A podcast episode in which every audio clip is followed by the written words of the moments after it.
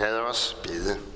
Og Gud og far, vi takker dig for denne dag, med alt hvad den rummer for os af glæde og velsignelse.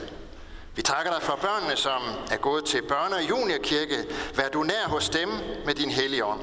Så de må mærke dit nærvær. Vi beder om, at du også vil være her og tale til os ved din hellige ånd.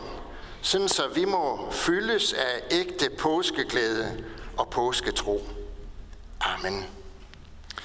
Dette hellige evangelium skriver evangelisten Markus.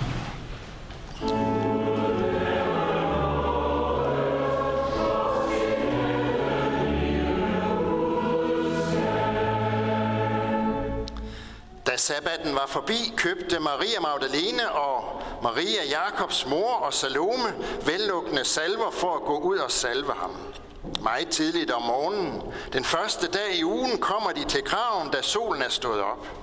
Og de sagde til hinanden, hvem skal vi få til at vælte stenen fra indgangen til graven? Men da de så derhen, opdagede de, at stenen var væltet fra. Den var meget stor. Og da de kom ind i graven, så de en ung mand i hvide klæder sidde i den højre side, og de blev forfærdede. Men han sagde til dem, vær ikke forfærdede. I søger efter Jesus fra Nazareth, den korsfæstede. Han er opstået. Han er ikke her. Se, der er stedet, hvor de lagde ham. Men gå hen og sig til hans disciple og til Peter, at han går i forvejen for jer til Galilea. Der skal I se ham, som han har sagt jer det. Og de gik ud og flygtede fra graven, for de var rystede ud af sig selv, og de sagde ikke noget til nogen, for de var bange. Amen.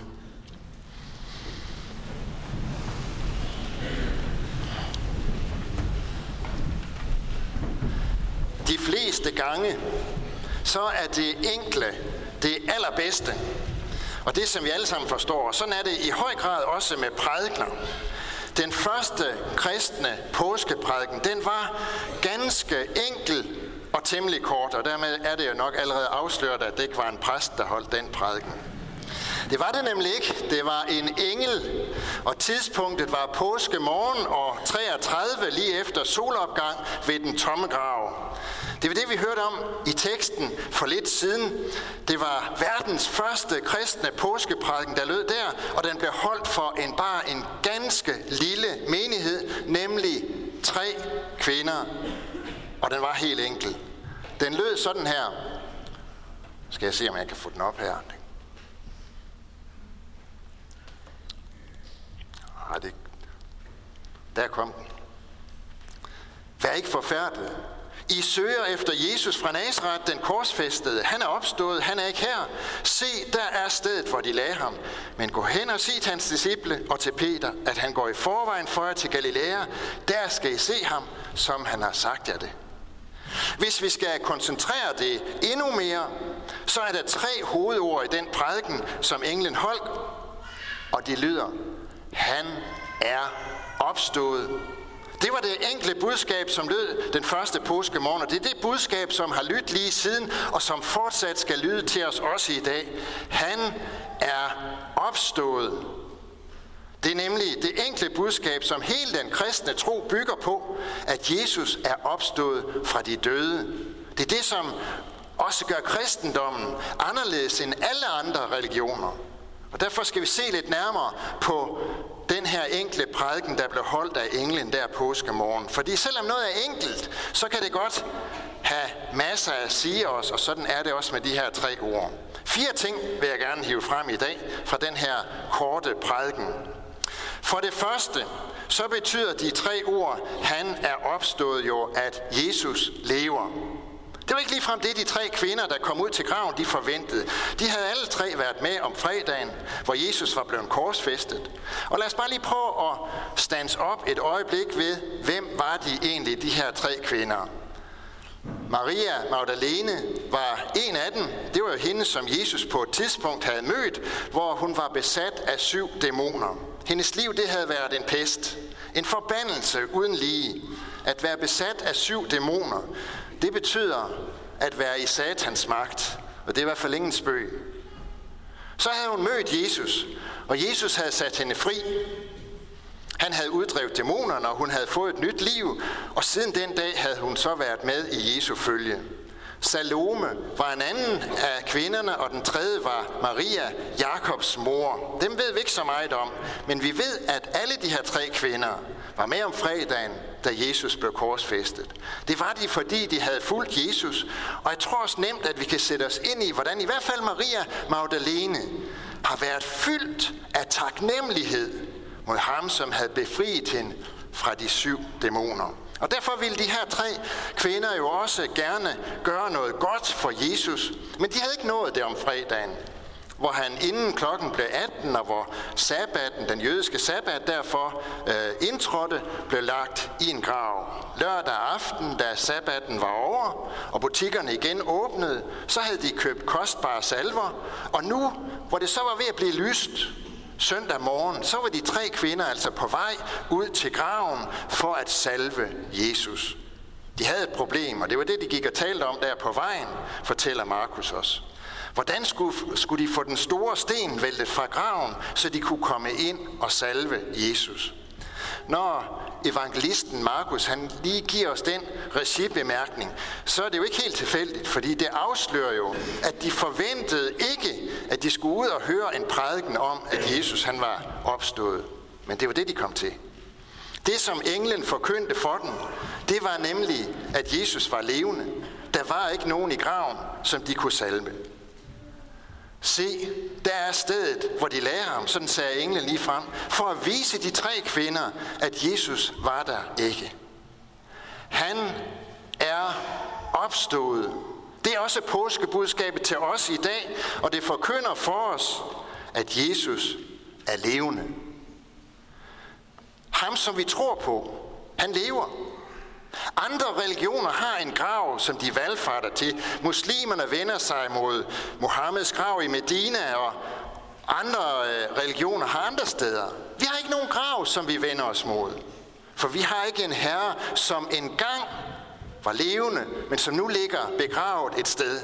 Vi har, og vi tror på en herre, som er levende. Også i dag. Graven var tom, og englen forkyndte, han er opstået. Det betød, at han var levende, og det betyder, at han er levende i dag. Når vi læser andre steder i Bibelen, så får vi også svar på, hvad Jesu opstandelse øh, det betyder, eller hvad det betyder, at Jesus han er levende. Det betyder nemlig, at han sidder ved Guds højre hånd, og at han går i forbøn for os.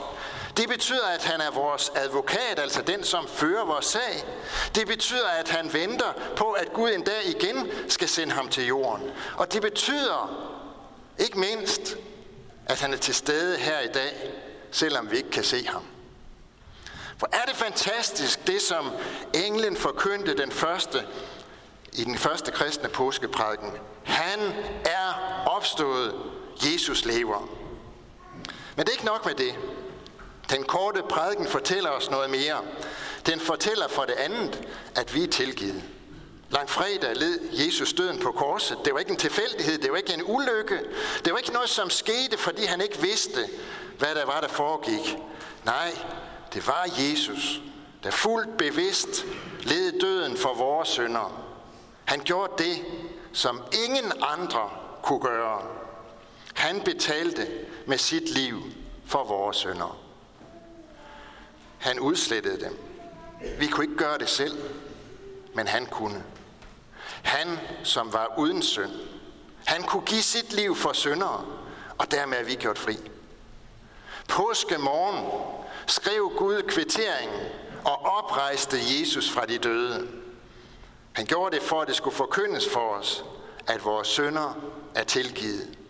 Hvis ikke graven havde været tom, hvis ikke englen havde forkyndt, han er opstået, så havde vi aldrig kunnet forstå, at vores sønder er tilgivet, at de er sonet. Så havde vi aldrig hørt ordene, du er tilgivet. Så havde vi aldrig kunne tro det. Og så havde vi stadig levet i vores sønder. Påskeprædiken, han er opstået, det for, den forkynder for os, at vi er tilgivet. En tredje ting forkynder den korte påskeprædiken også for os, nemlig at ligesom Jesus er levende, sådan skal vi leve. Han er opstået. Det betyder, at Jesus han har overvundet døden. Guds ord siger os, at det gælder ikke bare for ham, men at det faktisk gælder for enhver, som tror på ham. For nogle år siden var der en professor ved det teologiske fakultet i Aarhus, øh, som var i medierne, øh, hvor han gjorde klart, at han mente, at det var ren overtro at forstå Jesu opstandelse som sådan en lægemlig opstandelse. Det er det egentlig ikke noget nyt i. For sådan øh, er det stort set hver år til påske, at der er nogen, som har vældig travlt med at argumentere for, at beretningen om Jesu opstandelse, det er noget, som vi må forstå sådan på en eller anden måde i overført betydning. Og jeg har gennem min studietid lært at leve med, at, det kan, at man kan være professor ved det teologiske fakultet og så sige sådan, men det er egentlig stadigvæk komplet umuligt for mig at, at få det til at hænge sammen med, at, at det skulle være kristentro.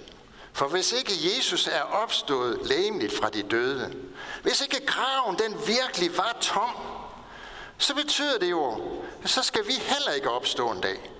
Så skal vores grave heller ikke en dag være tomme. Hvis ikke Jesus er opstået fra de døde, så betyder det, at så har vi ikke noget håb.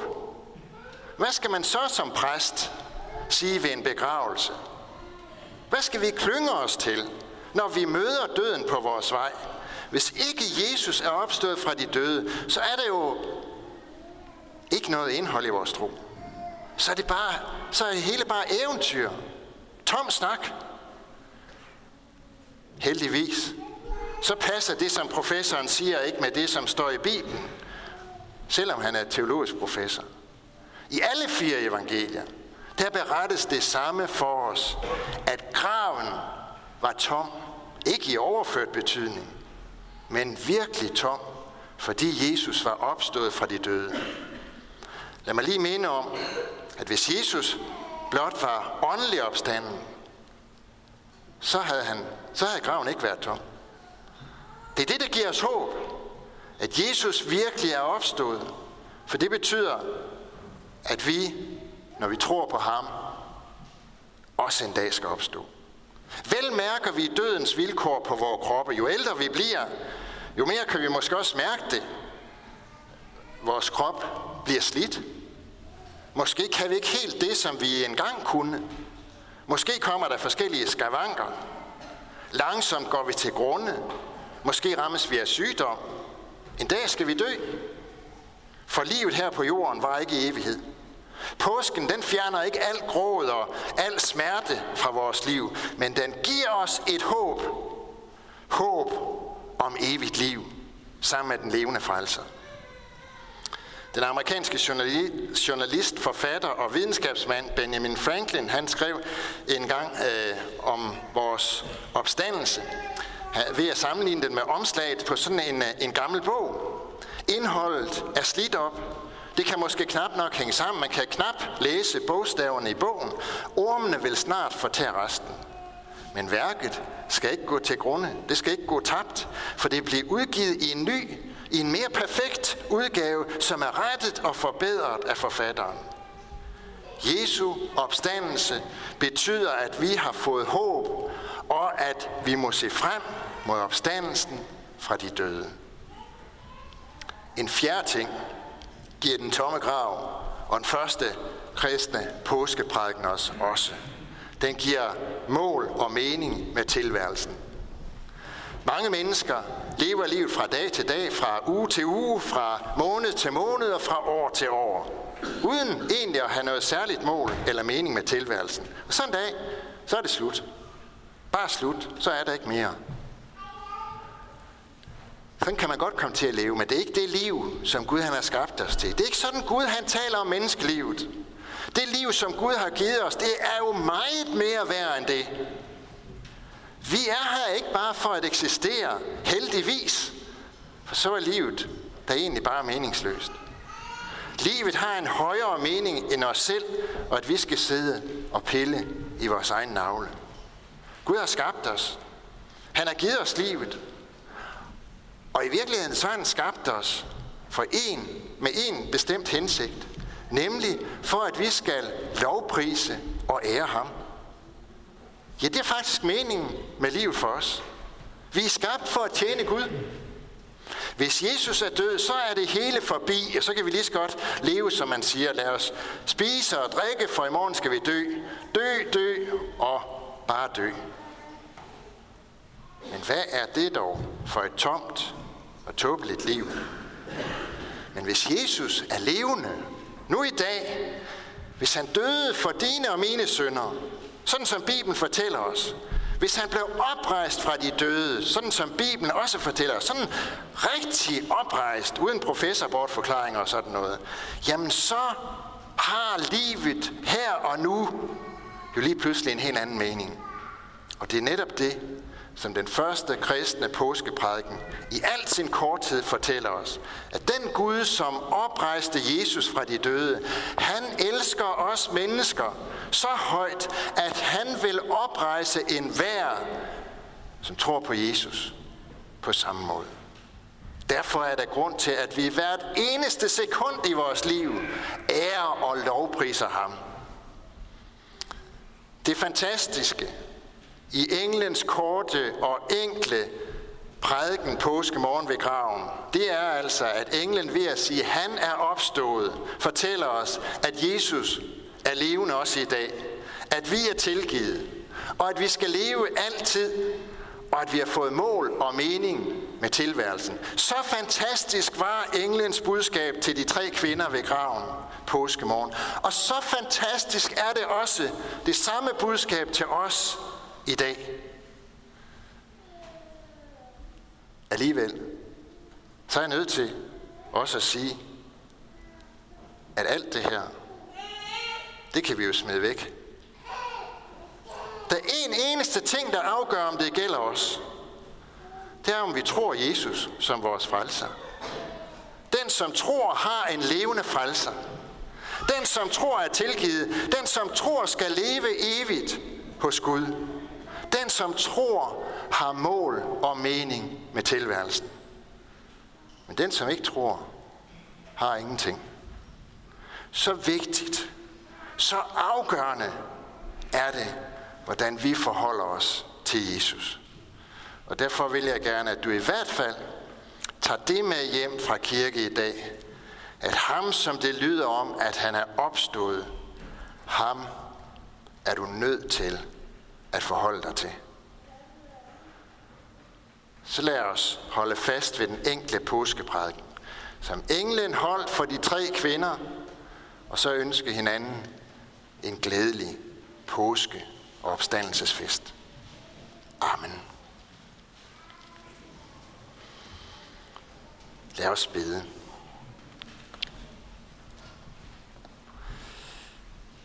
Vi lover og priser og takker dig, vor Gud og himmelske Far, for livet og alle dets gaver. Tak, fordi du lod din søn komme til jord, hengav ham til lidelse og død for vores skyld. En himmelske far, tak, at du også oprejste ham fra de døde og lod ham vinde sejr over alle mørkets magter. Vi takker dig, Jesus, at du gik i vores sted døde og opstod for os. Tak for din opstandelse, og fordi du i dag har mindet os om den. Tak, at du lever, er hos os, også når vi er samlet her i din kirke. Tak, at vi kan leve som frelste mennesker, der allerede nu er genfødt til nyt liv ved tro på dig. Gør, at vi alle må leve vores liv med dig, Jesus, som vores Herre og Frelser. Få al den lykke, som du har tiltænkt os som dine børn på jorden. Giv os også den lykke, hvis du ikke kommer, mens vi lever. At vi så kan lægge os til at dø, sådan som man lægger sig til at sove, i vidshed om, at når vi vågner, så skal vi se dig, Jesus, og opstå, virkelig opstå, sådan som du er opstået. Vi takker dig, du gode Helligånd, at du gør alt dette levende for os og giver os troen og vil fuldføre det, du har begyndt i os. Vi beder om, at du vil forny os i tro på dig og i håbet om Jesu komme. Vi beder for børnene, som døbes, at de må blive opladt i den kristne tro. I dag beder vi for Emil, at han må vokse i tro på dig. Vi beder for forældrene, de må få visdom og vilje til at vise hen til dig, og vi beder for konfirmanderne, at de også må få lov at se dig, sådan så de aldrig glemmer det. Kald vores børn og unge ind på troens vej og beskærm dem mod alle ødelæggende kræfter. Vi beder for det kirkelige børnearbejde, udrust du lederne, velsign du det. Vi beder for vores hjem og vores kære, velsign både ægte folk og enlige til at leve efter din vilje og gode orden. Vi takker dig for livet, og vi beder dig, lær os at værne om det fra de ufødte børn til de gamle og døende. Vær nær hos dem, der har mistet en af deres kære. Giv du dem tro på en glædelig opstandelse for enhver, som har levet livet med dig. Vi beder for vores kristne brødre og søstre på Sri Lanka, som denne påske morgen er blevet angrebet. Vær du dem nær, og have du dem i din hånd. Alle disse bønder overgiver vi til dig, her, og så beder vi dig om, at du fortsat vil velsigne vores opstandelsesfest. Amen.